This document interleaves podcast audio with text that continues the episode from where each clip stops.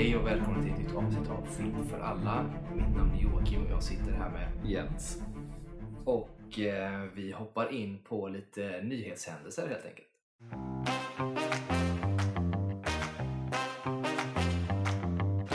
Den första nyheten som eh, vi tänker att vi lyfter idag är ju då den här Arnold-serien som gått på Netflix nu som även är känd som Fubar som ligger där. Eh, har fått eh, förnyat eh, förtroende och ska göras då en säsong två. Mm. Vilket eh, känns bra eller kul. Nu när vi Mm. pratade sist så hade vi bara sett, eller jag hade bara sett två Mm. avsnitt, du har inte sett någonting alls. Men nu har jag ju sett hela och du har sett hela. Yes. Så att, eh, tänker bara, bara kort, så här, vad var intrycken från Fubar för din del? Alltså jag tyckte att det var en, en så här måttligt underhållande serie. Den var liksom eh, tillräckligt kul att se för att vilja liksom, se den typ i sträck som jag gjorde. Eh, sen så är det ju inte, alltså jag skulle inte påstå att det är världens bästa serie på något sätt. Så. Eh, rätt, alltså så här Netflix-serie. Alltså den typen av så här, helt okej liksom. Mm. Men sen tror jag att den liksom eh, är man ett fan av Arnold så höjs ju det lite mer Mm. eftersom att det är Arnold. Och det var länge sedan man såg han i någonting tycker jag. Och kul att se han i liksom sån längre ett längre narrativ liksom. Han har aldrig gjort serie förut. Nej, det är väldigt första intressant gången. att se honom i serie faktiskt. För det är ju det gör ju var och varannan nu. Mm. Men det var lite spännande att göra det. Men jag håller helt med. Det tror jag att jag sa efter jag hade sett de två första också att det var um, Alltså det är en helt okej serie. Eller den, den är liksom bra. Den är underhållande och kul att titta på. Men det är ju för att Arnold är med som höjer den lite extra på något sätt. Så hade det inte varit han utan någon annan random Mm. så hade serien förmodligen inte varit lika bra. Överhuvudtaget. Alltså och serien, det, det nämnde du när vi, när vi pratade om sist att den, den är ju liksom, alltså vad ska jag säga, berättelsen och plotten är ju väldigt lik True Lies-filmen. Sjukt. Eh, och, och jag tänkte på att Foodbar-serien är ungefär som att man hade gjort typ en True Lies-aktig film slash serie och inte haft James Cameron som regissör. Mm. Liksom man hade, det, det är som att man hade haft någon regissör som liksom haft en, en, en liksom vision och liksom en, ett autörskap på något sätt utan Mm. det är mer liksom tv-serieprocessen av det liksom. Men att det känns verkligen som att det ha- hade det gjorts av James Cameron så hade det liksom varit en, en jätte, jättebra serie tror jag. För att han hade tagit det i andra riktningar förmodligen. Liksom. Men nu blir det liksom lite, lite helt okej. Men Ja. ändå underhållande. Precis, men det är ju verkligen intressant för att hade man bara tweakat lite grann på den här serien så hade det kunnat vara True Lies Ja, verkligen. liksom, Ja. liksom sequel i Ja. princip. Det, det handlar inte om mycket du behöver tweaka för att det ska passa in för det, det är typ samma skådisar nästan också. Liksom. Ja, Eh, och så. Så att, eh, men jag tycker som sagt att den, den, var, den var bra. Men det är ju också Arnold. Arnold gör ju mycket för att det är han och inte för att ta ifrån de andra skådisarna för de gör också bra jobb ja det det. och, och liksom karaktärerna, även om de kan kännas på ett sätt kanske stereotypa och så, men ändå inte så att man stör sig på dem. De, de hittar sig rätt väl och det blir en bra dynamik i, Ja, men jag i det tycker att- gänget. Ja men det tycker jag ändå. Alltså, jag tycker Arnold hade rätt bra dynamik med alla. Mm. Eh, och jag tycker verkligen han och hon som spelar dottern, Mm. de tyckte jag var väldigt bra tillsammans. Det kändes väldigt trovärdigt. Mm. faktiskt. Men det, det tycker jag med. Och sen så tycker jag, jag, jag tycker också att den här så säga, snygga killen och hans lesbiska eh, Ja. stora eh, så här, eh, partner då är man tror ju att man kan, kommer störa sig på dem för de känns så, men de är rätt charmiga. De är liksom och också lite grann det här med att en snygg kille ska vara på ett visst sätt. Men de går ändå inte i fällan och gör han till en sån klassisk trope. Han har liksom en, Ja, ja, ja. egen person utan att vara en douchig snygg kille, vilket jag tyckte var skönt. Och samma sak med den här lesbiska, man tänkte att hon kommer skitjobbig på något sätt, men det är hon inte. Hon är bra Mm. På det sättet. Så jag tycker att de, de, de faller i vissa, vissa tropes kör de ju, men sen gör de lite saker som gör att det blir mer intressant i serien också, som gör att det blir lätt tittat på ett helt annat sätt och man stör sig inte på saker som man kanske hade gjort i andra fall. Då. Ja, alltså det är ju väldigt, det är de, de som är i teamet där då, Butch, eh, Lebben, Mm. eh, snygga killen och så den här nörden då.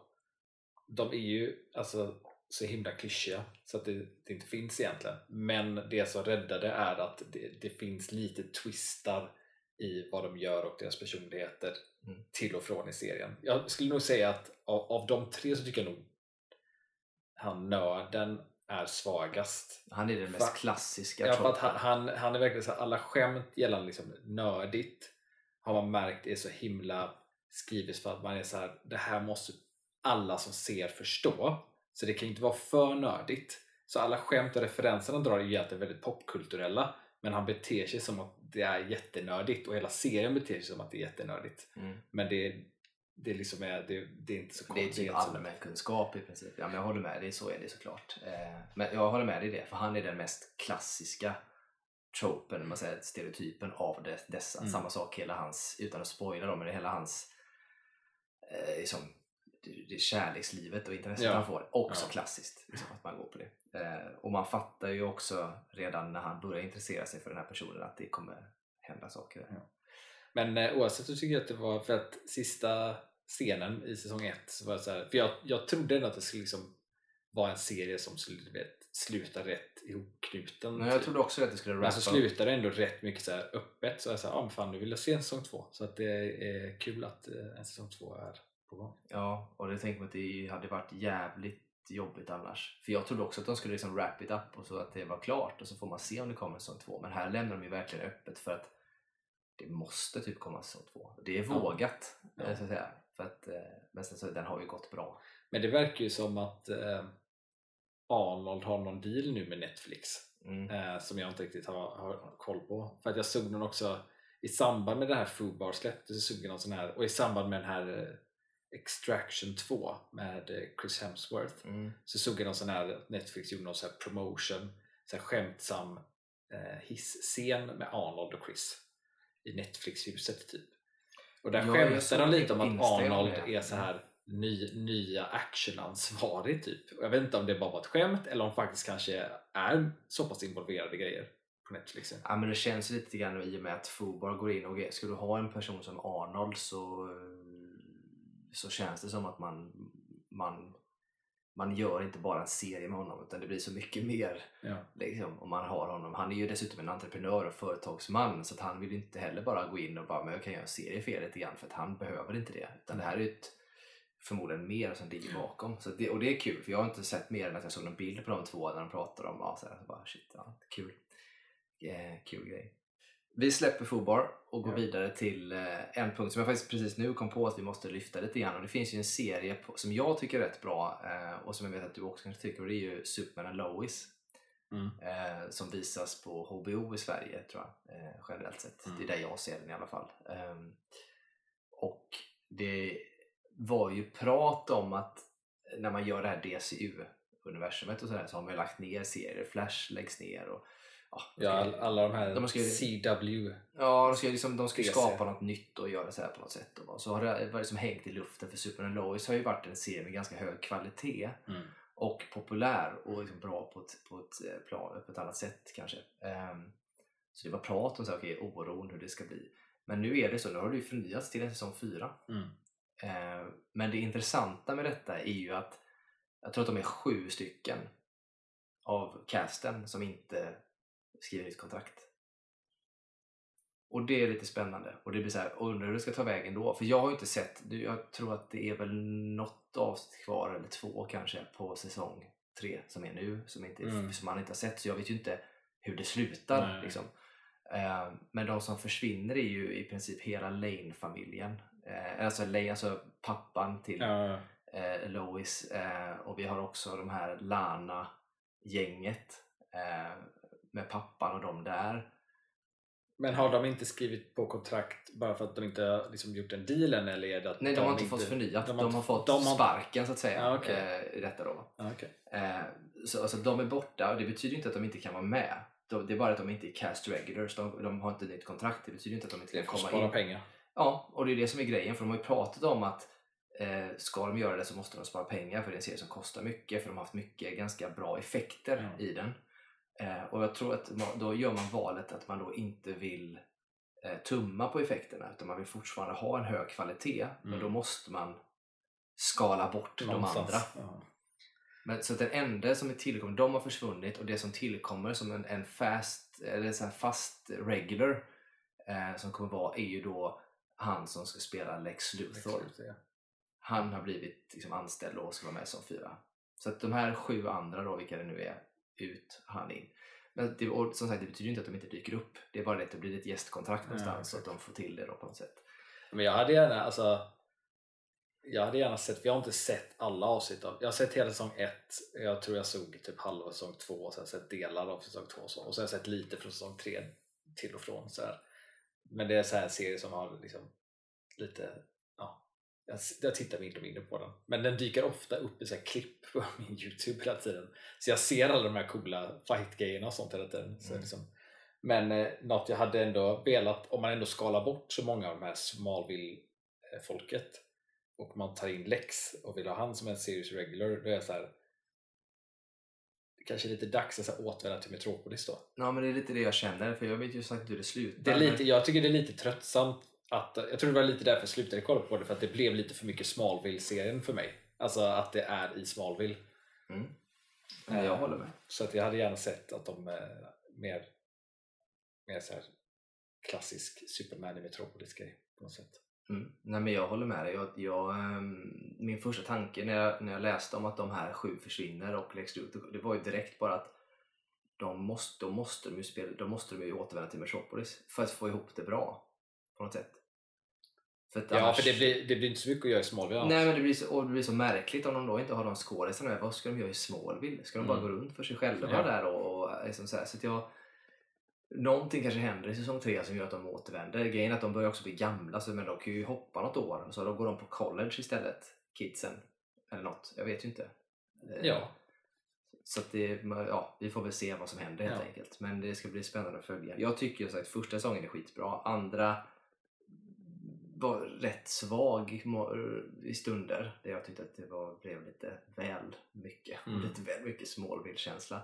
Sen tycker jag att säsong tre har eh, tagit igen det lite. Tycker att stakesen blev rätt bra. Eh, återigen att det blir mer personligt och privat än stort och mm. universumhot som är på något sätt. Eh, och kan vi ta, och det är inte så mycket nyheter, men eftersom det här är den här writer strike då så har vi då att den sista Avatar-filmen som Mm. ska eh, liksom göras då, för nu är de ju inne på, tvåan har ju släppts. Det kommer en trea, sista blir väl, vad blir det, fyra eller fem? Fyra, fem? Vad det nu blir.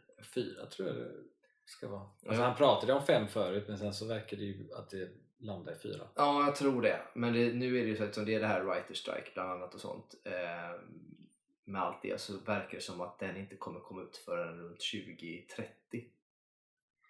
Vilket är Ja. långt fram. Ja, men det är också, ja, för att jag, det var ju även trean var ju egentligen sagt att den skulle komma ut i år. Men den är också sk- skjuten till 2024. Mm. Men, men, och det- 2024 och sen så då om, om fyran då är sist så kommer den 2030. Då är ju sex år ifrån. Och för att vara Avatar är det ju inte långt. Nej men samtidigt så är det till mig nu kommer ju... Alltså, Men det är ju bara för att de har inte spelat in fyran. Nej och det är det som är problemet. För att, menar, nu kommer den här, vad blir det? Avatar kommer 20...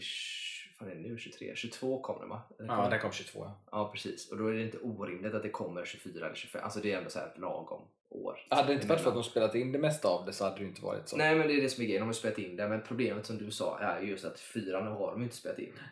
Vilket gör att det måste de göra och sen allt annat, så det blir ju många år däremellan. Men du vet, fan då är man ju, jag är ju nästan 50 liksom, eller så. När det kommer ut, vilket är eh, sjukt. Liksom. Men så är det. Ja. Det är bara gilla läget. Så att, eh, ja, det var egentligen bara det. Eh, sen har vi då en sak som vi pratade om för ganska länge sedan. när- Just när det kom till det här med cancerkultur och så vidare. Det var ju den här eh, två människorna som var, de är väl 70 plus någonting nu, som spelade in den här Romeo och Julia-filmen på 60-talet när Mm. de var under 18 och så har de varit, haft nakenscener och så har de då anmält nu då i efterhand eh, då, eh, brott mot någon form av ja, eh, liksom, utnyttjande av minderåriga eller liksom barnpornografi eller någonting i detta då, va, de var med. Eh, och det får man, jag tror att man får se hennes bröst och hans rumpa, det, det är något Mm. sånt där, jag kommer det. Eh, och det fallet skulle gå upp till domstol och sådär. Och nu har det ju gjort det då, men det har ju... Ja, alltså jag tror att det har lagts ner till och med. Alltså det finns inget att gå på. Eh, orimligt. Så, Det är att väl så inte så det. konstigt kanske.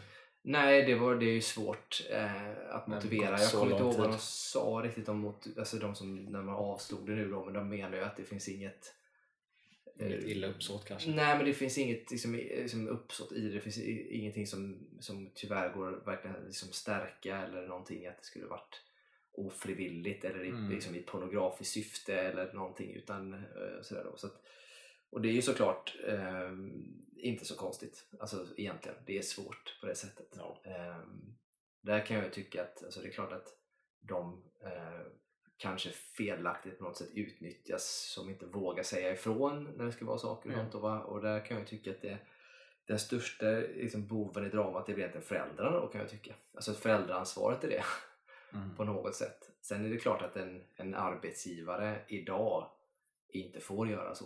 Ja. Alltså där är, där är det ju liksom, de har ju de här alltså counselors och sånt på filmer som ser till att folk mår bra och. Intimitetskoreografer. Ja, precis. Och sådär. Så det, idag skulle det ju inte hända eh, på det sättet. Så även om man- du då inte har ett skydd av föräldrar som är vettiga så, så ska du inte bli utnyttjad ändå så, i så hög utsträckning som, som möjligt. Men eh, det gick ju ungefär som man trodde att det skulle gå. Det Ja. lades ner helt enkelt. Så jag tänkte bara en liten återkoppling på det. Men eh, vi nöjer oss med nyheterna där för den här gången och så går vi in på dagens eh, ämnen. Yes. Och eh, dagens ämnen, vi kommer prata lite eh, filmer och eh, någon serie. Eh, sådär. Och vi kommer börja med att prata om den filmen som du och jag var och såg igår bara. Mm. Och det är ju The Flash. Yes. Som vi har pratat och som vi har längtat. Och nu var vi och såg den. Mm. Vad var dina intryck av The Flash? Alltså jag, jag typ vet fortfarande inte riktigt vad jag tycker tror jag. Alltså lite så här, alltså jag är lite förvånad över liksom ändå hypen som skrevs runt omkring. När eh, Tom, Tom Cruise reagerade så starkt på filmen var jag lite förvånad över efter jag såg den. Jag var lite såhär, ja, ah, Okay. Alltså att Tom Cruise har sagt att det här är en film vi behöver just nu. Jag vet inte riktigt vad det är han syftar på egentligen. Uh, och sen så var det väl lite det här, just eftersom det är hela det här DC-dramat kring att de ska göra reboots och, och saker som har hänt förr i deras här universum kommer inte spela någon roll eftersom att det ska ju bli nytt. Och då är det så här var det ännu mer så här den här filmen var den liksom leder ingenstans. Alltså den, den leder ju någonstans alltså i så som den är byggd men man vet också att det kommer inte leda någon vart för att det kommer ju släppas liksom. Eh, det kommer inte vara en del av det. Nej, och nej, om de inte då lyckas, lyckas sk- skriva ihop någonting. Men... Alltså, så- även, även, om, även om de skriver ihop någonting, vilket jag inte tror de kommer göra, men även om de skulle göra det så kommer det liksom allting kommer vara så pass nytt att det ändå inte alltså jag har svårt att se att det att den filmen, The Flash, skulle vara relevant i det nya DC ut oavsett, alltså det som har hänt i filmen. Eh, vilket är så här ja, lite, lite poänglöst kanske. Och att det var så här, jag hade hoppats lite på att det skulle kännas mer som ett så här avslut på det gamla DCEU som det då hette. Mm. Eh, mer som en sån här sista, sista film så här, typ. Men ja, det kändes inte som det heller. Eh, grejen vi har ju Aquaman kvar också.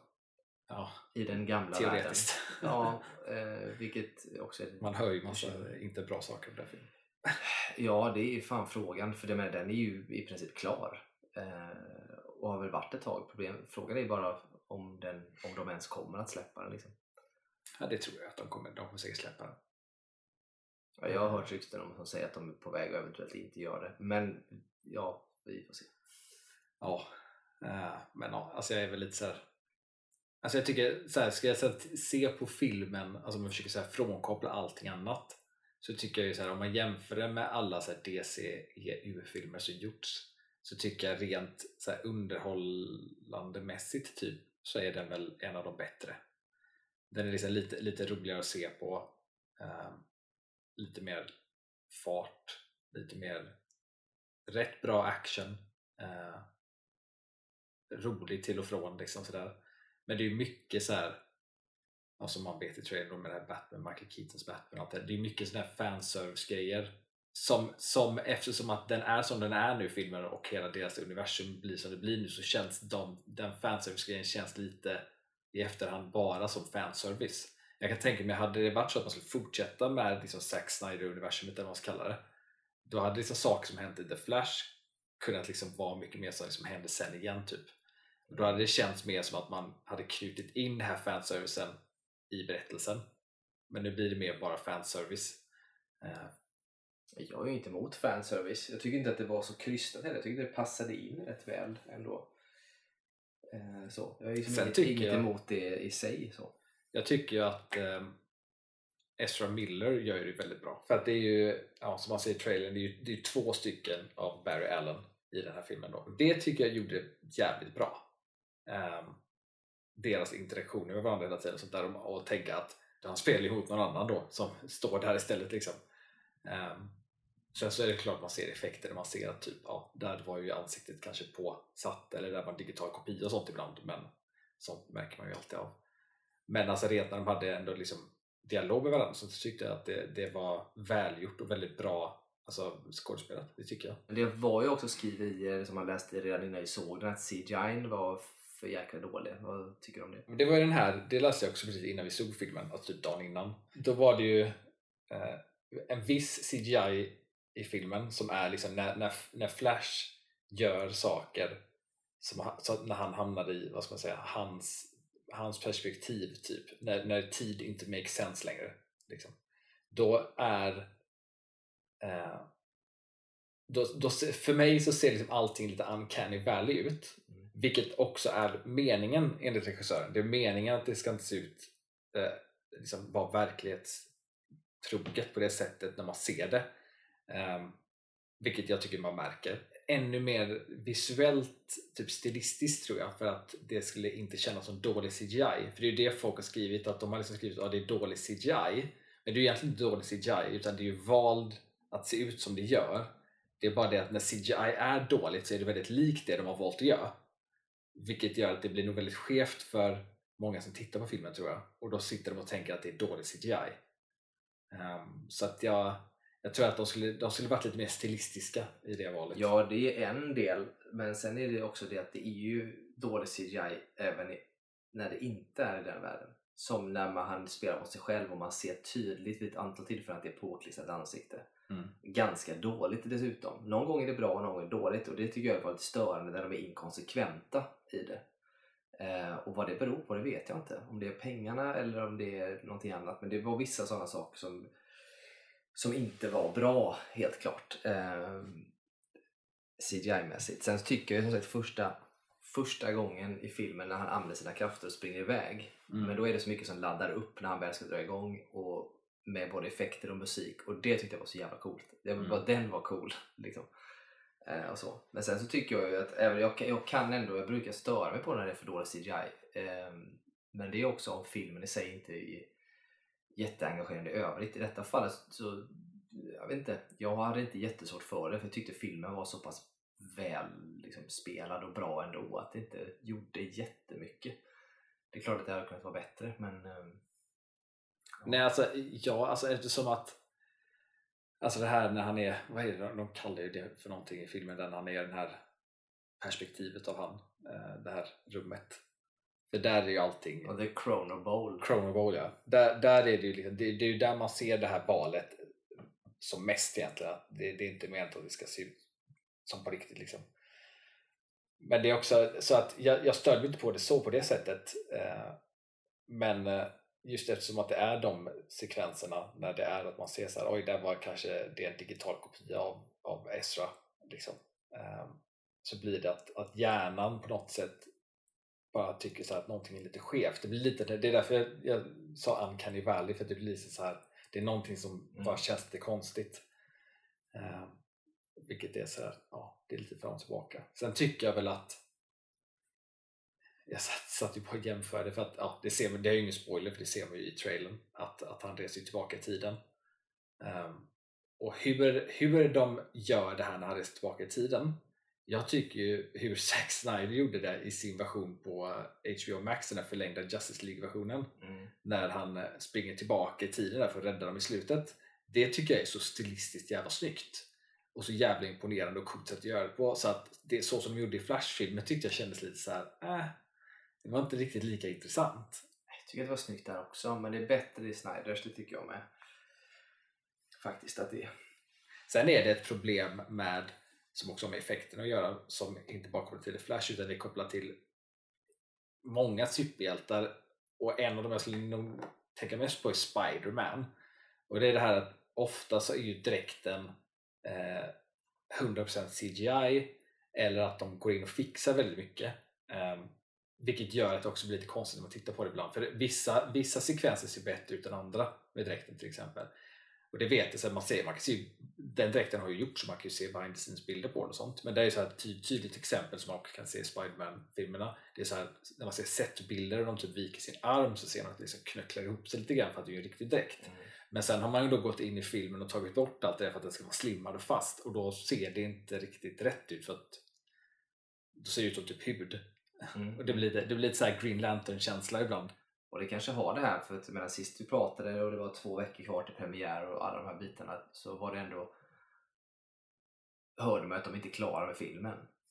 Jag tror... Och jag, menar, fan, jag fattar att man kanske säger, men man, ja. man börjar ändå tänka nu så här att nej, det, de kanske hade kunnat lägga ner mer tid. Men, men de, jag, jag tror ju att det är, jag har ingenting att basera det mer på än allt drama runt omkring. Men jag tror ju att det bara kommer ner till ekonomi och att det handlar om att, att de har gjort saker som är liksom good enough. Typ.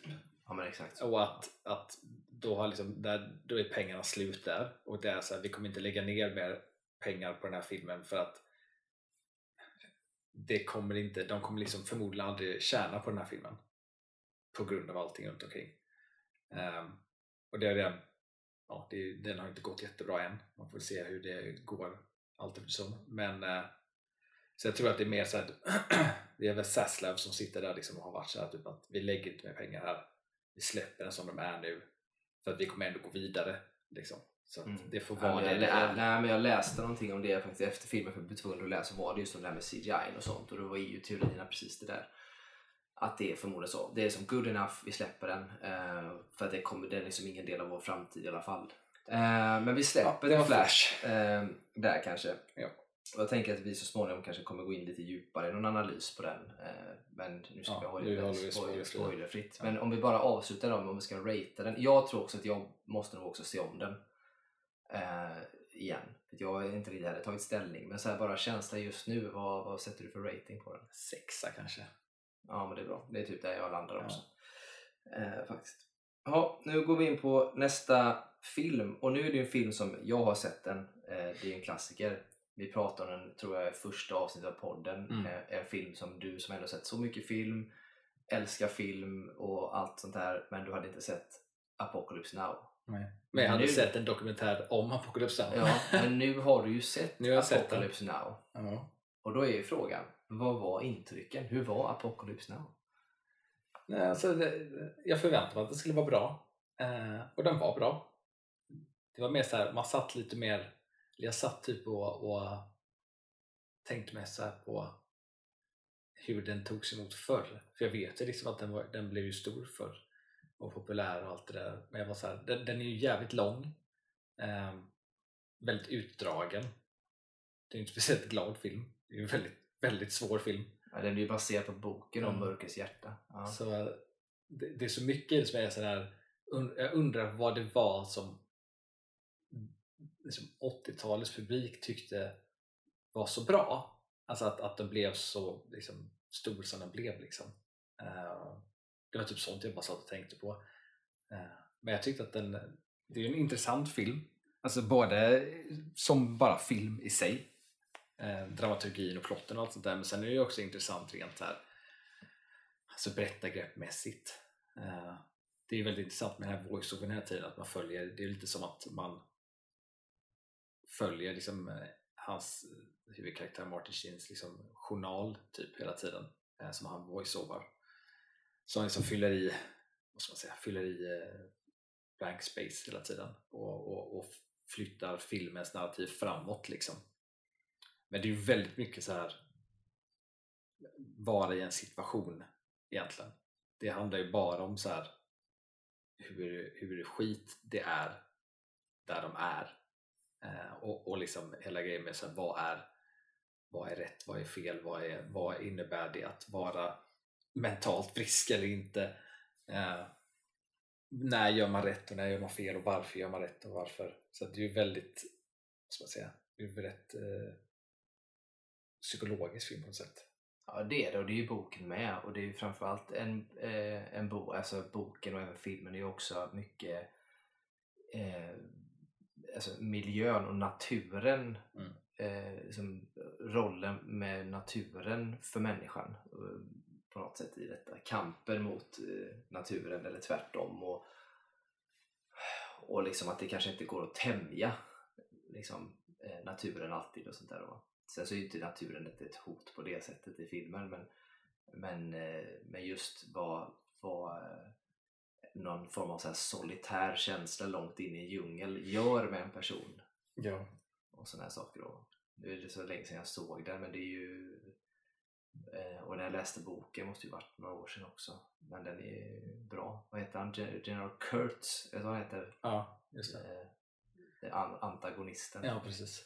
Det är också så här, alltså jag, eftersom jag har sett, alltså dels har man liksom sett oändliga referenser av den här filmen i popkultur när man växte upp. Men sen så har jag också dels liksom studerat filmer under kurser och sånt. Eh, så har jag sett den här dokumentären som släpptes för massa år sedan som var rätt djupingående.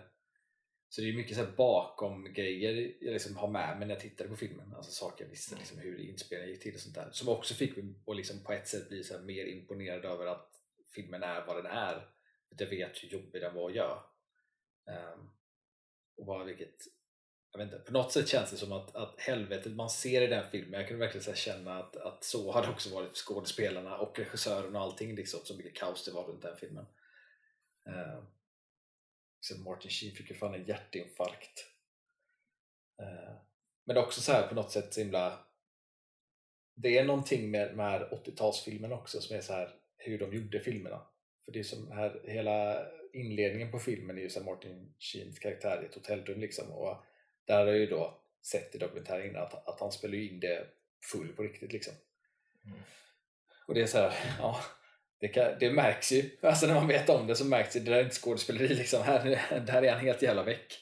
Eh, men också liksom det här på något sätt, jag vet inte, det är någonting med skådespelare från den tiden också för det är så här, där läste jag också lite efteråt att, att det var ju folk bakom där som inte ville fortsätta filma liksom.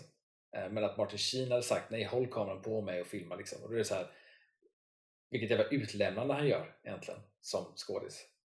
Han, han visar sig själv fruktansvärt naken på det sättet. Liksom Mm. bara, han, på- han är naken också, men, eh, men rent så här, bara vad han gör psykologiskt. Och man vet också att han har ju pratat om det att han mådde inte bra under den tiden heller. Liksom, drack mycket alkohol, han hade problem i privatliv och allt möjligt. Liksom. Ja, det är mycket. så det är mycket så här, jag vet inte, det, är, det är någon form av så här bara stress och ångest som liksom sipprar igenom i den här filmen som, som inte bara känns en del av plotten utan känns som typ vad som faktiskt var på set. Typ. Ja, och det är ju det som jag tror gör filmen så briljant. Ja. Att man får att känna det. Liksom. Det är rätt intressant. Det är så mycket jäkla ångest i den. Och det är bara en sån här sak som att det var från början tä- tänkt att man skulle liksom filma den. Det skulle, shooten var sex veckor. Och jag tror att den blev 16 månader Ja. istället.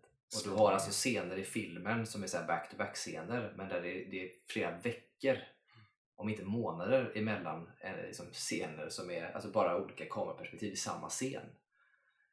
Vilket ändå är sjukt coolt också eh, på ett sätt. Men det är, så, ja, alltså det är så mycket strul i, i den inspelningen. Alltså jag fattar inte ens att jag är förvånad att Coppola ens fortsatte göra film efteråt. Alltså, Ja, det är tufft alltså. För det är alltså bara motgångar hela tiden i allting. Och bara liksom Marlon Brando till exempel. Hur jävla strulig han var. Dels att han inte hade, han sa att han hade läst boken men det hade han inte när han dök upp. Och att han skulle egentligen varit, för han är ju en lång man liksom. Han skulle ju vara smal, kommer dit överviktig. Liksom. Inte läst någonting, vet ingenting om det. Klagar på namnet Kurtz. Tycker inte att så här, det skulle inte någon heta. Så de, de ändrar det under inspelningen då. Går de med på att ändra det. Men sen läste han boken. Och så tyckte han att det passar så då fick man ju spela om repliker och så har man när han sagt då när hans namn sägs, det här gamla namnet så har man ju alltid då fått ta bakom huvudshot istället då. Mm. Eh, och bara så mycket strul. Ja, det där är ju nackdelen när man förr i tiden hade skådisar som, som skulle dra folk till en Ja, film. Att de ja. fick för jävla mycket makt många gånger. Marlon Brando var ju typ exempel på en sån. Och det blev ju sådana saker, orsaker för de blev tvungna att göra massa reshoots. Och det, det var ju typ som Martin Sheens bror, Joe Esteves, Ja, jag läste det. kom ju in och voiceade bland annat för Ja. honom och gjorde stand-ins Ja. i vissa scener för att de är rätt lika och Ja. låter likadant. Men han är typ helt uncredited dessutom. Han står inte med, men han gjorde det. Bland annat då när han fick en hjärtattack och inte kunde vara med så gick han in. Och det här är ju säkert sådana reshoots man blivit tvungen att göra, eller så här voiceovers då, för att Marlon Brando ändrade sig och ville ha Ja. Kurtz istället då. Ja, det var det var sjukt mycket strul kring den här filmen, men också det som jag tror gör den till en sån kultklassiker också. Sen var det en scen som jag reagerade på. ehm, som liksom någon som inte äter kött reagerade starkt på. Mm. Uh, och det var en, eh, när det är en sacrifice av en uh, tjur. Uh, så när, när det hände i filmen, jag bara okej, det här är ju inte fake. Det här, det här gör ju de på riktigt nu. Alltså det här kan inte vara fake. Så jag gick in och läste om det då att det var inte fake. Det var på riktigt. De hade liksom gjort det. Uh, och att där är det också lite så här fram och tillbaka med vad som är sant.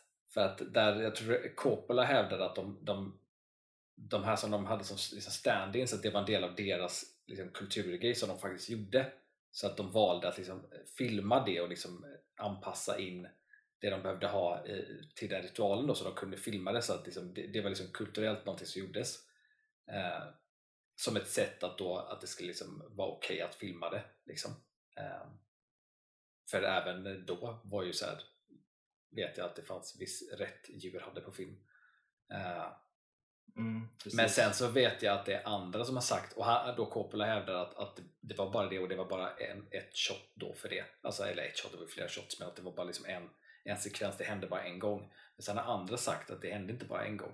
Det var flera tjurar som dödades för att få till det. Och att det anpassades väldigt mycket och att egentligen, alltså så att, att, att Coppola och andra involverade faktiskt designade upp det mer än vad de har sagt att de gjorde. Eh, För att få med det här då. Ja, det Och jag var så här, jag, jag vet inte, för mig, jag tyckte bara att det var så här, för jag tyckte inte heller att, att det det ger någonting att ha med det i scenen. Nej, kanske inte. Det, man läser om det så är det då en, någon lokal stam där, Ifugao Mm. stammen som tydligen brukar göra detta med vattenbufflar då, på något sätt som gjort det. Och jag kan förstå det, det tänker jag alltid på när jag ser film och de gör saker som man känner att eh, det, liksom, det känns så verkligt. Har de verkligen gjort detta på riktigt? Och ibland brukar jag tänka att ah, ja, men liksom, framförallt äldre filmer, om man ser typ en Indiana Jones-marknad till exempel, om man ser ormar och så är det någon som hugger av en orm huvudet eller man har liksom levande så tänker man att ah, ja, men det kanske det, de gör det, vi kan inte göra så mycket åt det, det är deras marknad. Men, men på något sätt så känns det ändå fel när, när, när man får se det på film ändå, för det blir ju på något sätt en del av filmen. Och just ett sånt här djur som då är vattenbuffel till exempel ehm, känns, ju, känns ju hemskt. Och då att man, det är inte bara en utan det är fler och det är inte som Men jag kan köpa, jag kan köpa att, att om det då skulle vara, om sanningen då är att, att, att det skulle vara en grej den här gruppen gör och att de, det är något de kommer göra ändå och att man dokumenterar det. Det, det, det kan jag liksom vara fine med, för att det är så, då är det ju så. Eh, men sen då ja, att det är folk som har sagt att det faktiskt köptes in fler bufflar bara på grund av att kunna göra det igen. Då, är, då tycker jag att där går man över gränsen för då, då, har du, då, då dödar du det bara för att du ska få med det på film. Eh, och inte av en annan orsak. Och då, Sen får man väl hoppas att de, om de gör det, att de utnyttjar då det, det köttet de i, i, i så utsträckning som möjligt då på något sätt. Men, ja, nej, det är hemskt såklart. Um, kan det, vara? det är lite intressant också, för filmen släpptes ju 79. Mm. Det är ju precis på gränsen, det började spelas in 76. För det var typ tre år i klippningen sen efter. Alltså det var jättelång klipptid han hade på den. Men det som jag tyckte var intressant att Lawrence Fishburne då, allas vår Morpheus, han är ju 14 bast Jag vet, jag läste också det. när han kommer in i det 76, han ljög om sin ålder. Jag vet. Så han är ju verkligen superung. Ja. Han går in, vilket också är en sån här sak, det, här, det, det, går, det kan man inte göra. Ja, Men jag fattar inte. Alltså jag, läser, jag vet ju så här. Alltså jag vet ju att jag har läst att han, var, att, att han sa att han var 17. Eh, 14. han var 14, ja. Ja, han sa, han, han sa att han var ja, 17. ja. Eh, men så här, hur, vem, vem, var, varför sker det inte att någon kollar upp det här någonstans? Alltså någonstans på vägen så måste alltså, det ska ju betalas ut löner, alltså allting är, blir bara så Ja, här, Hur fan var pappersarbetet på den tiden liksom? Nej, men det, så är det ju så. Det är så. Till stor del så är det fortfarande så i USA eh, överhuvudtaget. För där är det ju som sagt att när du tar jobb i USA då har ju jättemånga papperslösa illegala invandrare. Och det är ju så att du får ett jobb och sen får du ju din paycheck per vecka. Och därför det finns ju ingen koll på samma sätt som vi har. Nej, du skattar ju väldigt mycket mer på egen hand. Ja men det är ju Ja. sådana saker du gör så det finns liksom inte den Nej. typen vilket gör att du kan gå och få din check varje vecka. Det får inte in på ditt bankkonto utan du får gå och hämta Ja. pengarna själv och sätta in dem. Vilket gör att, och det, så är det fortfarande och det var ju säkert ännu värre förr. Och man litade kanske också mer på folk som sa saker förr och var lite mer såhär laissez-faire och bara låta det gå liksom. Och, och så, här, då. så att det var nog lättare att komma undan och det skulle säkert till viss del gå idag också. Men jag tror att idag så vågar inte filmbranschen göra så. Nej, nej, för att nej. man vet att det kommer lite Nej, jävla exakt. ramaskri och allt möjligt. Men jag fattar ju att de trodde att han var 17 för han ser fan inte ut att vara 14. Nej, nej så är det. Han ser ju ut, jag hade ju tippat på att han, alltså jag hade ju tippat på typ mellan 18 och 20. Mm. Men det hjälper väl att han är så, han är ju rätt lång liksom sådär. Och Ja, ja, gud ja. så är han väldigt, väldigt spinkig och det är också svårt att avgöra ålder. Liksom. För att om man är lite äldre och spinkig så ser man lite yngre ut. Mm. Liksom. Nej, men så är det. Helt klart. Men jag tycker att det, det, är, det är en bra film, Apocalypse Now. Det är ju inte den film jag tror att man ska bara säga men nu ska jag slökolla på något utan man ska nog eh, bara sätta sig in lite mer mentalt så att man ska faktiskt sitta på den. Ja, det är, inte, det är ju verkligen ingen må bra-film eh, på det sättet. Men jag älskar också det att det i princip bara utspelar sig på båten. Mm. Det är precis som boken också. Det är så mycket bara på den här båten. Och det gör det så intimt på något sätt. Och det blir så otäckt Ja. när du liksom inte har, du har bara båten. Det är liksom det som ska vara ens hem eller trygga plats på något sätt. Men inte ens den är liksom trygg då. Nej, jag tycker att det är. Så jag tycker det är så mycket som är så här. Alltså jag, tycker, nu har jag, jag har ju aldrig någonsin varit i krig men jag tycker att de på något sätt får in alltså galenskapen av krig väldigt väl på alla sätt. Dels liksom våldet och brutaliteten och sånt där, men också det här skeva att liksom vissa människor liksom frodas i det här. Mm. Typ det här, eh, om, jag vet inte om han är general eller vad han är, men han som spelas av han som är konsuljärgen i, eh, i eh, Godfather, kommer aldrig ihåg vad han heter. Eh, den karaktären är helt jävla störd. Vad är han heter? Kill, Kilgore? Kill... Nej, vad fan heter han? Nej, jag kommer inte ihåg. Men eh, den karaktären är ju helt jävla skev. Han är ju så här, mitt, eh, en, en av de här i filmen då, att en av de här eh, huvud, eller bikaraktärerna, de här som är på båten, han är ju så här surfare, en känd surfare då i, i, i filmen. Och att den här Duvals karaktär, där han blir sån här, han älskar surfing och sånt där, så att han vill ju under liksom, ett anfall så har han ju med surfbrädor och liksom tvingar soldater att surfa på vågor. Så, alltså man blir bara, det här är ju helt jävla absurt. Men jag kan också köpa att det faktiskt hände. Alltså jag skulle inte förvåna mig för folk var Nej. så sjuka i huvudet. Ja. Och att han verkligen, han verkligen trivs i den miljön, den karaktären. ja, eller har lärt sig det Ja. på något sätt. Då. Det är det som är det hemska i det på något sätt, att du måste normalisera din vardag Mm. trots att du är i krig, för annars tappar du ditt alltså sanity överhuvudtaget Ja. på något sätt. Då? Eh, så. Men det är ju- ja, ja. Colonel Kilgore heter han. Ja, det fan rätt. Ja. Men sen är det också att eh, det, blir, det är ju intressant egentligen för han är ju helt jävla sjuk i huvudet den karaktären. Men eftersom att han är liksom, liksom följer i ledet ändå och liksom gör det ledningen vill så liksom är han ju mer accepterad medan då Kurts karaktär som går emot han är också sjuk i huvudet på andra sidan liksom. Men han ska ju dö. Så att det är väldigt så här. Du, du kan vara sjukt instabil men var det på rätt sida liksom. Eh, Men ja, det är fan helt. Jag gillar också den repliken som är så känd här. I love the smell napalm in the morning. Att Duval har ju sagt det i intervjuer att han var ju såhär, när han sa den repliken så var såhär, det här kommer inte användas, det här är way over the top. och så har det liksom blivit en så jävla känd replik liksom. Spännande. Men om vi skulle ta, om vi skulle ratea filmerna nu när du ändå sett den, vad skulle du säga då? Francis Ford Coppola säger ju själv att det är hans favoritfilm av alla han har gjort. Så tycker han det? Ja, tydligen. Alltså jag skulle väl eh, sätta en sjua. Eh, men att så här, om, om, om, jag ska, om jag räknar med så här, alltså så här impacten den haft i film också så skulle jag nog kunna höja upp den till åtta. men eh, sjua skulle jag säga. Ja, bra. Kul. Kul ändå. Min rating, jag har ju inte sett den nyligen så jag kanske inte ska ratea den men om jag bara, det jag kommer ihåg av den och det som jag minns själv så skulle jag nog sätta, jag sätter nog en 8 får jag nog säga. I det. Men vi släpper den då Yes. och så går vi in på eh, den, nu är det en film som jag inte har sett men som du har sett däremot. Och, och det, vi kommer prata om den nu för att jag kommer inte att se den heller förmodligen. Möjligt att jag kanske ändå sätter på den om jag inte har något bättre för mig men det kommer vara så att halva tiden kommer jag garanterat sitta och scrolla på telefonen. Men det är ju Fast X Fast X ja. som du har sett. Vad eh, har du att säga om den här eh, tionde filmen? Den bästa film som gjorts. Det är det inte.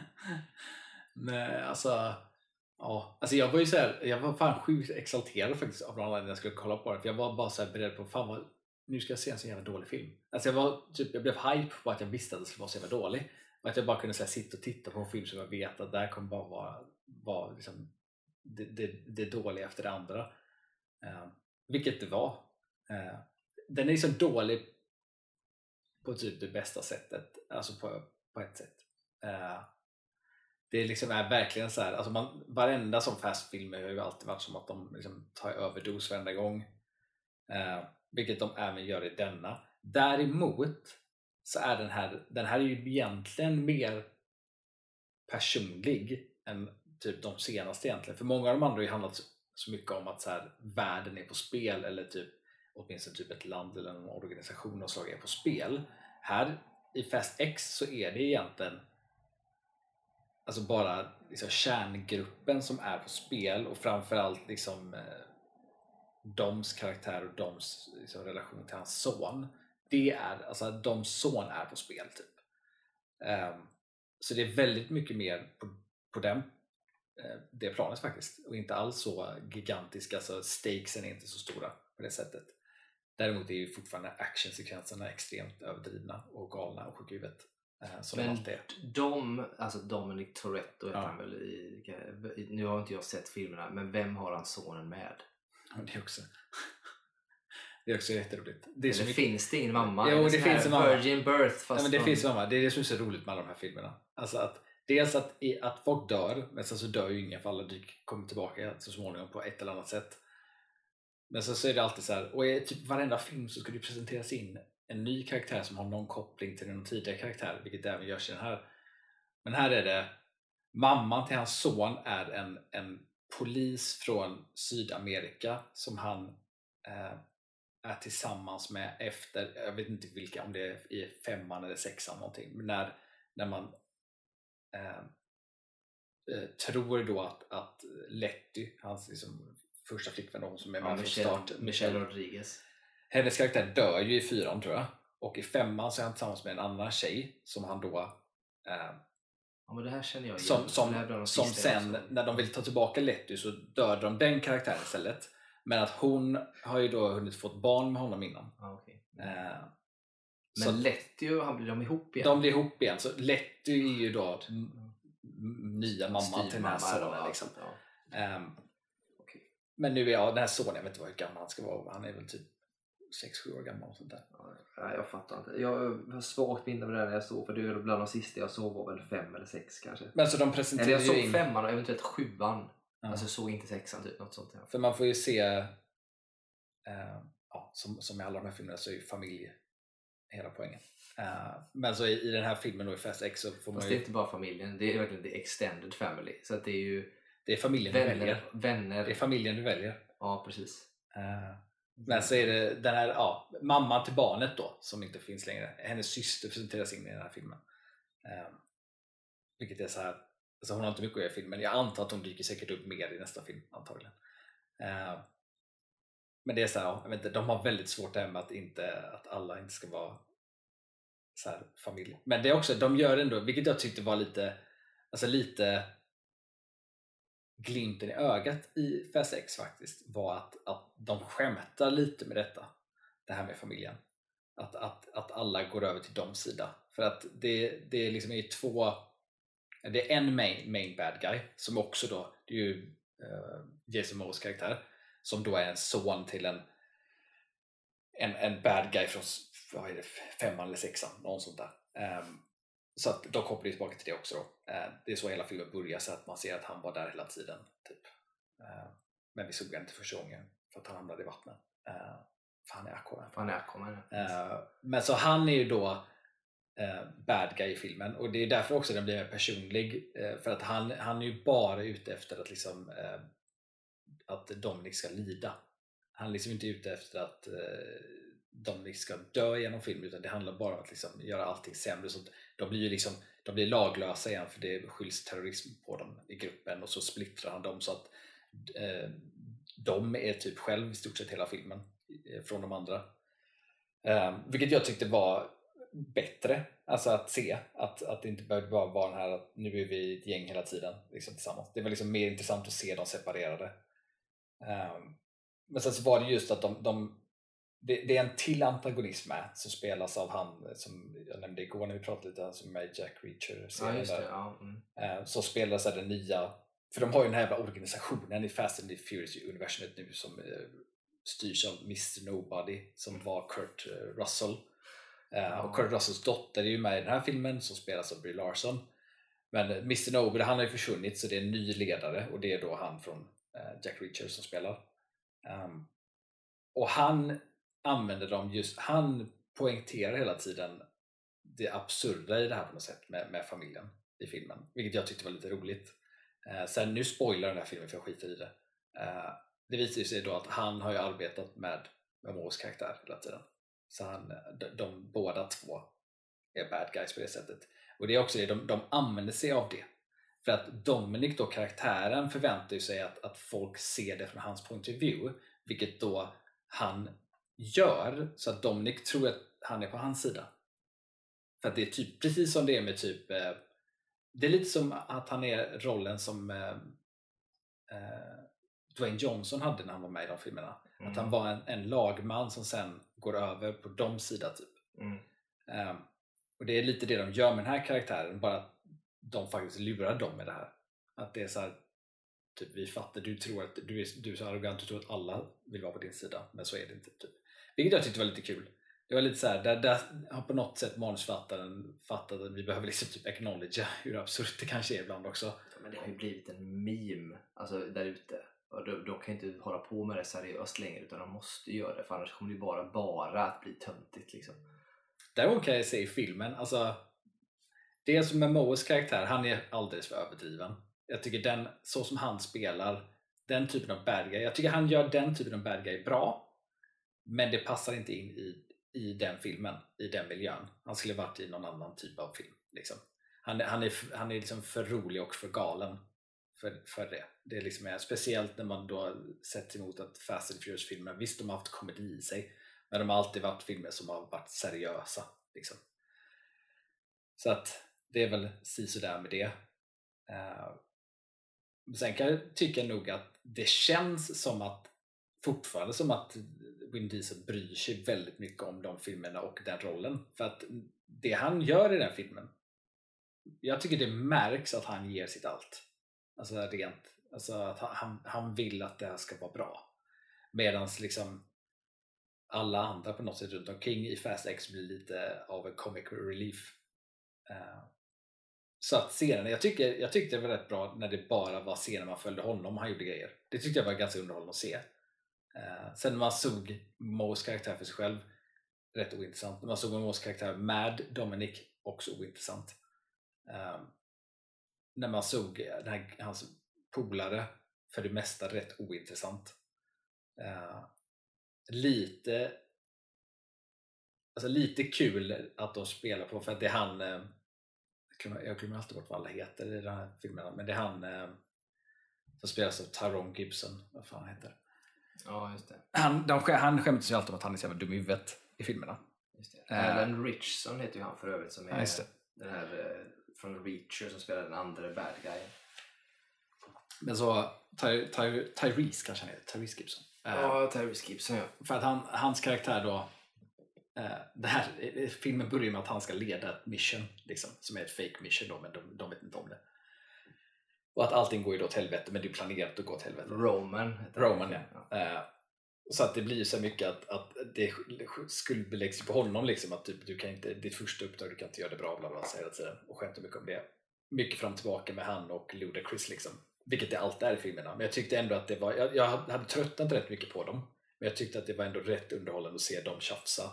Jag tror det kan vara att man, de inte var med dem. Alltså det är på något sätt när man frånkopplar för att Vin Diesel vill att det här ska vara så bra. Så att det var lite, äh, Fast X-filmer nu var som att se två filmer samtidigt. Det var liksom mer seriös, så här, familjen är nummer ett. Eh, du måste liksom skydda det du har med, med Vin Diesels karaktär, den färden liksom. Och sen hade du liksom en, en rolig actionfilm med så här absurditet när det kom till hans, hans gäng som för sig själva och så med bad guy och sånt där. Um, ja. Sen så var det också även hon Letty var ju typ själv i stort sett hela filmen också. Hon hamnar med, hon har någon scen med Brie Larsons karaktär och sen hamnar hon med uh, vad heter hon nu? Uh, är det hon Nathalie Emanuel eller? Nej, uh, hur fan kan jag bort? Hon är ju...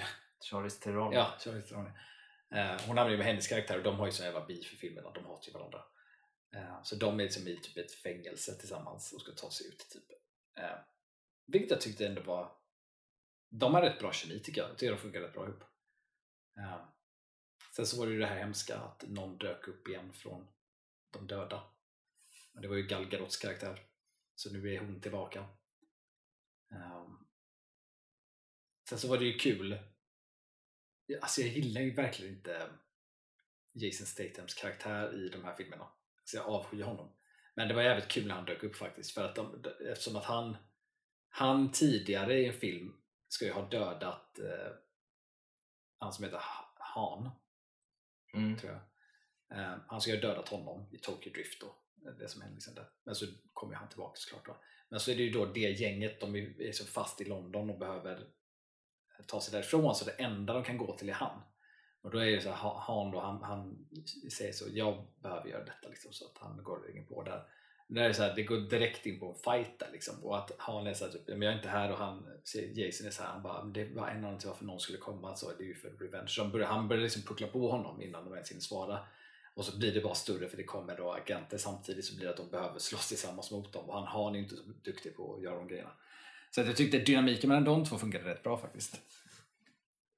Sen så hade de ju då post credit scen Eller dels nummer ett, jag störde mig lite på att, fast det är ju för att de har planerat Fast 11 redan den kommer väl snart. Men eh, den slutar ju en cliffhanger, vilket de andra filmerna inte har gjort på det sättet. Vilket var så här, det fick det att inte riktigt kännas som en sån film på något sätt eftersom att det var så. Men det var verkligen så här, det är bara att vänta till nästa. Uh, men sen var post credit scenen då, jag vet inte om du har läst vad det var? Uh, där ser man så här, för att Mamos karaktär som sagt då vill ju hämnas på Dominic Toretto. Men det är inte bara Dominic Toretto som är ansvarig för hans pappas död. Det är också Dwayne Johnsons karaktär. Ja. Så eh, eftertexteringen är att man ser så här, för han är ju agent fortfarande. Liksom, så han, han är med Hobbs. Hobbs ja, han är ja. med ett SWAT-team någonstans i något ställe och tar sig in. Liksom, och så ser man då att det är så uppsatt med grejer och så är det ett meddelande och så här, typ, du är också ansvarig bla bla, från Maboa då. Och så tar han av sig masken och ser man att det är Dwayne Johnson. Det så här, ah, okej, okay, då ska han också dyka upp. Det som att eh, Vin och eh, Dwayne har eh, squashed their beef. Ja, jag tror att det har att göra med, nu pratar man i och för sig om att, jag har hört rykten om att Dwayne Johnson ska eventuellt att det ska bli så här fristå, hans trilogi, alltså trilogi eventuellt, eller filmer, så kommer vara liksom det är ju Fast-universum, ja, det, det blir liksom ja, hans filmer. Ja, jag, liksom, vet, jag vet att det ska ju komma en tvåa i alla fall med han och Statham. Ja, eh, ja precis. Hob Hobbs and Shaw. Ja, Hobbs and Shaw, heter, ja. Um, Hobbs and Shaw är så jävla dålig film. Ja, nej, så vi får väl se. Nej, men du är lite sålt nu, jag kanske måste se den här filmen. Men alltså den är... Just, alltså... just för att jag... Eh, det låter ändå intressant och så är det skönt att sätta på en film man vet att det inte kommer vara superbra. Liksom i det. Kanske är något underhållningsvärde i det i alla fall. Om det inte är för verkligen... mycket med rymdskepp och sådana saker. För de har ju ändå öppnat upp nu ska vi säga för time travel så småningom och det blir så här, ja. För att jag tycker ändå, alltså rätt mycket i alla de här filmerna tycker jag ändå alltid att på något sätt att för varje film som kommit så är de ändå relativt bra kopplade till innan som gör att man nästan behöver ha sett typ filmen innan för att liksom riktigt kanske förstå all, all dynamik i gruppen och sånt. Men jag tyckte ändå Fast X, det är ändå en av de filmer jag kan, jag kan se att man inte behöver ha sett, man ska ju definitivt ha sett några filmer. För att annars tror jag inte man kommer tycka om den alls överhuvudtaget och tycka att den är underhållande ens. Men jag tror inte man behöver liksom, det är inte så mycket man behöver ha med sig egentligen. Ehm, för att eftersom att den är så liksom cheesy och dålig så kommer man liksom inte sitta och störa sig på att ah, men nu vet inte jag varför den här sonen finns. Alltså sådär, man kommer bara så här, det är så absurt redan så att det är sak samma typ. Ja, om du ska ratea den då. Herregud, typ, fan, Den har 6 vad av kan man 10 ge? på IMDB. Ja, det var högt. Alltså, jag vet inte. Fyra kanske. Det är ändå, det är ändå liksom okej säga, om man tittar på en fast film. För den senaste fast jag såg, jag tror det var sjuan, den hade jag gett en tvåa. Typ. Mm. Eller kanske till och med en etta. Ja, alltså jag var ändå förvånad över att jag faktiskt var alltså ändå så pass att för mig var så pass mycket underhållande ändå i Fast X. Jag var inte beredd på att jag ändå skulle tycka att den var rätt, rätt kul att se. Eh, just för att den är så cheesy. Eh, man sitter fortfarande och stör sig på grejer hela tiden. Eh, men jämfört med, för jag menar nian, åttan och sjuan, alltså där har det ju varit att jag har varit när jag tittar på dem. Så jag har ju nästan tappat fokus helt och hållet. Liksom. Eh, Ja, nian, nian satt jag och liksom kollade på telefonen typ hela tiden. Ja, men jag, jag gav ju upp när jag såg sjuan. Alltså det, var, det, gick inte. Så, men det är ju kul om det blir bättre. Den har ändå fått hyfsat bra rating om man tittar på hur det ser ut. Ja, den kanske jag får Men ta det är ju inte det är ingen bra film. Nej, det tror jag inte. Den Men är, mest, sagt- den, är mer, den är bra på grund av att det är en så stor franchise i så fall. Alltså Ja, den, men jag är, den är också- bra i sin egen Men grej. jag tänker också det, det du säger med när det att, man, att de gör rätt grej med att man följer typ bara Vin Diesel mycket själv och du har dynamiken mellan alla de här olika karaktärerna. Det kan ju faktiskt höja en film och göra den rätt rolig. Om, trots att allt annat är skit. Så det kan ju faktiskt vara värt. Ja, men den kanske man får ta och se. Får jag återkomma. Och. Det är ju lite jobbigt att man såg att man filmar så mycket. Däremot en sak som, som jag faktiskt... Alltså jag stör mig på det i, i universumet. Mm. Men jag tycker att det är bättre så som de gör i den senaste med en karaktär. Och det är ju han som, det är ju, spelas ju av John Cena. ja. Och det är ju då Doms bror som de presenterade in, om det var i nian eller åttan, jag vet inte, en long lost brother typ. Som var, han var ju en antagonist i en tidigare film. Ehm, men så blev ju då han så här, ja det visade sig att allting var typ ett missförstånd så är han ju liksom kompis med sin bror igen. Typ. Ja. Ehm, men där har han också, det är två bröder och syster då tillsammans. Så. Ehm, men han är väldigt, i filmen han presenteras in så här antagonist, han är väldigt seriös i den filmen och väldigt så här hård typ. Men i den här filmen, nu i Fast X när han är med, så är han John Cena. Alltså han är Och det där skämtsam och flummig och sånt där på det sättet. Ja, och det, det var sån himla 180 från vad jag, såg, vad jag kom ihåg att jag såg. Ja, men det där ska jag säga att det där är ju, för det känns ju lite grann för man ser hur många som är med. Det är ju massa kända actionskådisar. Det är ju typ Expendables. Ja, typ. Ja. För det är liksom, de samlar Ja. alla ac- actionstjärnor och det är sån här sak typ Jason Momoa går ju ändå in och gör någonting annorlunda ska jag säga men de gör ju då såna här saker som med, Dwayne Johnson även med John Cena nu då att de tar in, de har ju sett vad de har för kvaliteter och vad de har Mm. spelat innan och liksom fått en status och då tar man in John Cena där han får vara John Cena. För Ja. att man vet att han är populär som den här typen av karaktär. Och så kommer han in och då drar han ju med sig folk för att det, Ja. han får vara John Cena och det blir bra liksom. Jag tycker scenerna med John Cena, för han är också, det är John Cena och sonen till dem hela tiden typ. Bara. Alltså de två tillsammans för att han ska hålla han safe typ. Ehm, och jag tycker med John Cena, alltså om man bara plockar ut dem ur kontext av filmen så är, det roliga scener. Han är rolig. Men jag kan tänka mig att det är lite, alltså jag får känslan att se John Cena vara barnvakt. Han Ja. passar jävligt Ja. bra till den rollen, Ja. att vara barnvakt. Och jag ser framför mig någon variant av så här Arnolds Kindergarten Cop och eh, vad heter det? Stranger Things killen. Alltså mixat i något ett liksom. Så här. Ja, men, eh, ja, intressant. Jag kanske faktiskt får se den här jäkla filmen då. Som jag inte ville typ, ville typ eh, bojkotta men kanske får se den bara för Mm. sakens skull. Ja, vi, tiden rinner iväg. Vi ska bara väldigt, väldigt snabbt nu innan vi avslutar och tackar för den här gången ta, för jag såg ju Michael J Fox Mm. eh, Still-dokumentären eh, för ett tag sedan och ty- tyckte jag att den var bra. Men du har sett den nu också. Mm. Bara kort, vad, vad tyckte du och tänkte om den? Men jag tyckte att det var... Alltså dels, alltså nummer ett var det ju väldigt intressant. Alltså det, jag gillar Det är mest berättar- intressant att följa karriären. Ja, eh, berättargreppet gillade jag. Jag gillade det här Mm. att det var så fokus på hans intervjuer eh, och han liksom sitter och, och, och pratar. Jag tycker de kopplade mycket alltså, tillbaka, alltså det som liksom hela hans liv, liksom, att de kopplar tillbaka snyggt men liksom, så det är så typiskt att han fick den diagnosen. Liksom. Ehm, och sen tycker jag det här berättargreppet med eh, att han liksom använder sig av, av filmerna han har gjort för att liksom koppla till eh, saker han säger och saker som har hänt. Typ. Ja, Det tycker jag är jävligt snyggt. han kan ju nämna till exempel en sak som att eh, ja, men när jag gick dit och kom ut och såg detta Ja. och så säger han någonting och så klipper de in från en film när han kommer ut Ja. från ett ställe och, och tittar någonstans. Tittar så någonstans, tror jag jag att det tillhör dokument. Ja. Alltså, men det är ju från en film. Det är, det är, det är väldigt Och det är snyggt. snyggt. Det är snyggt gjort och, och, och skapar en, en, en enhetlighet typ. Eh, sen även de här små sakerna. Alltså han, jag, vill, jag vill veta vem fan som spelar honom som ung. Ja, som man bara ser bakifrån. jävla välgjorda. För han går så he, alltså han, han rör sig som Han honom. rör sig som honom, han- de har fått till honom så att Ja. han ser så sjukt lik ut bakifrån. Ja. Alltså, alltihop. Och jag tyckte också att de scenerna gjorde så jävla mycket också. Ja. Det var så välgjort. Ja, det var jävligt bra. Eh, men jag tycker att det var nice. Det var en, en, en liksom intressant underhållande grej. så här, För jag vet inte, visste inte så jättemycket om, om hans liv i allmänhet. Så. Och de går inte in jättemycket på liksom hans liv. Så det är mer typ karriären och hur han hanterade sin sjukdom kring karriären och familj och sånt där. Eh, men det var intressant att, att se dels så här, liksom se och höra hur han liksom blev så pass stor som han blev. Ja, och förstå hur stor han var. Ja, exakt. För det tror jag inte att vi känner igen från så Back to the Future och Spin City. Ja. Det är liksom det man känner igen. Sen vet vi ju så här nyckeln till framgång och vissa sådana saker.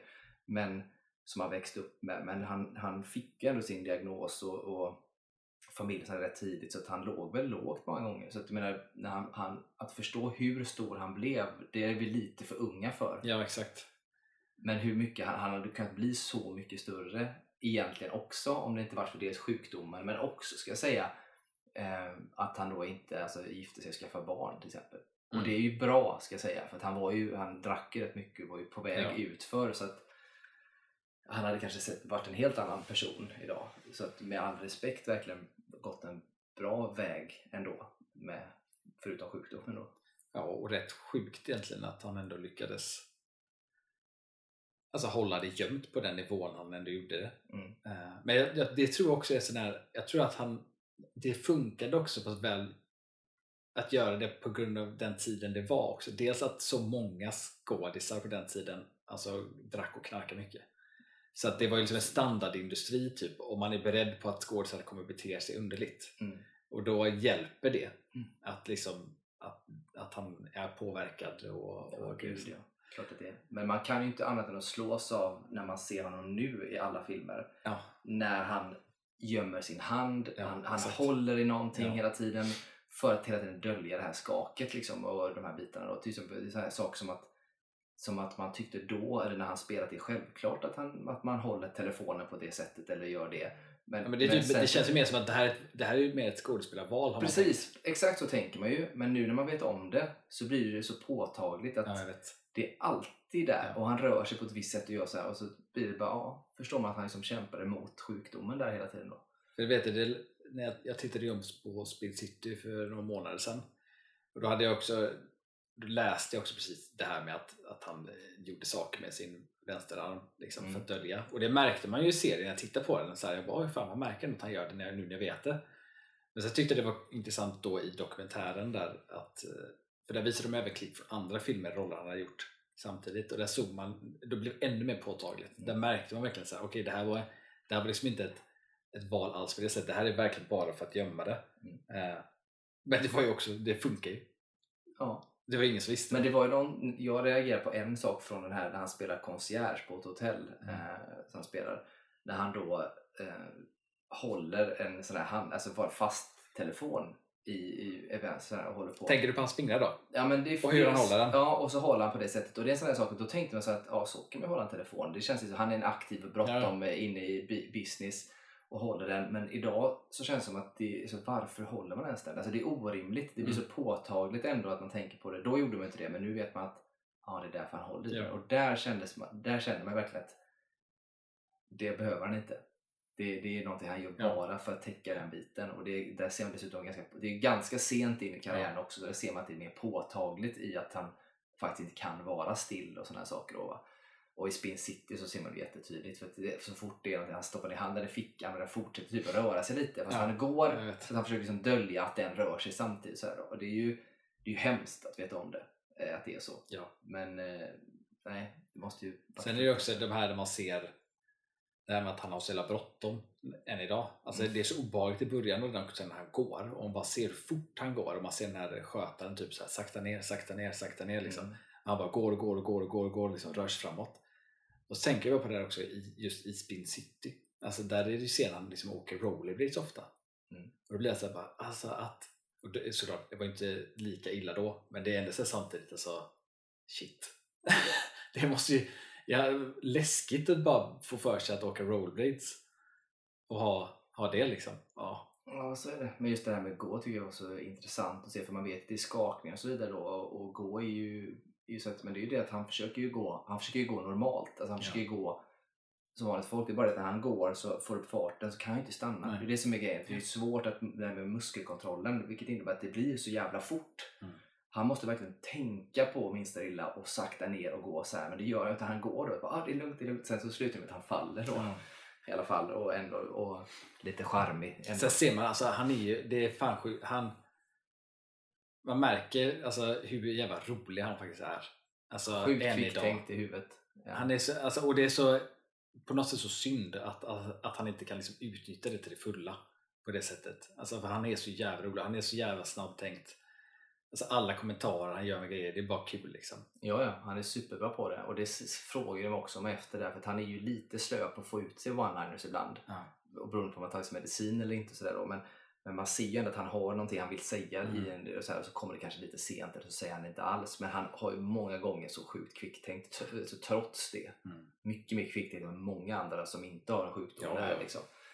Så att eh, på det sättet är det ju ändå eh, hemskt, eller hemskt, alltså, eh, men det är ju det att han inte fått, en, en, att vi inte fått se mer av den humorn och, och kvicktänktheten som han har. Sen gillar jag, jag tyckte också det var väldigt fascinerande att se den här som du nämnde där när, han, när hans medicin har börjat eh, ta slut där och han tar ny, ny Mm. medicin och de filmar det. Det tyckte jag var jävligt intressant att se. Eh, liksom, man ser effekten av det, hur han pratar om det och allt det där. Det tyckte jag var För man ser ju att det går det från... är coolt på något sätt att, att, det- att det kan funka så. Ja, det är lite mäktigt. och att det ändå kan hjälpa så pass väl. Ja, det är ändå lite coolt faktiskt. Jag håller med dig. För man ser ju det att han, det går ifrån att han i princip, för att när du har detta det- så har du inte samma ansiktsuttryck. Nej. Och ser man nästan både ögonen på ansiktet han blir mer stel och lite mer, mer off. Liksom, som att han inte riktigt är där.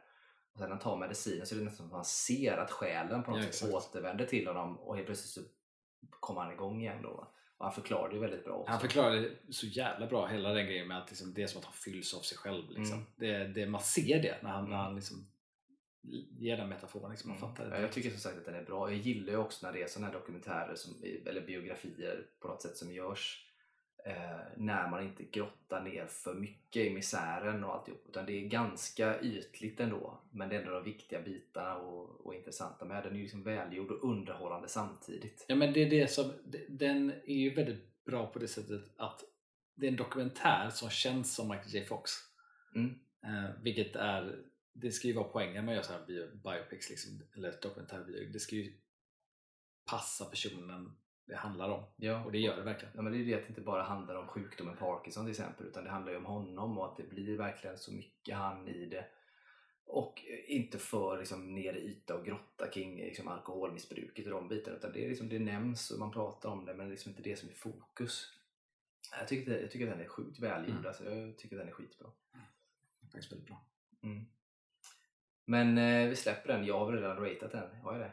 Ja, det gjorde du. Jag kommer inte ihåg vad du sa. Jag sa säkert åtta. Det känns som att det är en åtta för mig. Ja, jag skulle också sätta det som en åtta, en dokumentär. Mm. Ja, jag tycker att den är liksom rimlig för det. Den är, Mm. den är, det, är verkligen, det är ju verkligen en sån alltså en film du kan liksom sätta på egentligen vilket humör du än är på. Det är en underhållande dokumentär. Ja, det är det. Liksom. Det är ingen som är jobbig på något sätt eller som man känner att man måste vara på ett visst humör och så, utan den är, den är Mm. bra. Liksom. Ja, nej, men det var allt för detta avsnittet tänker vi. Yes. Eh, så kör vi långt avsnitt den här gången. Eh, ja, så får ni helt enkelt lyssna då nästa vecka. Och ha det så bra så. Ha det fint!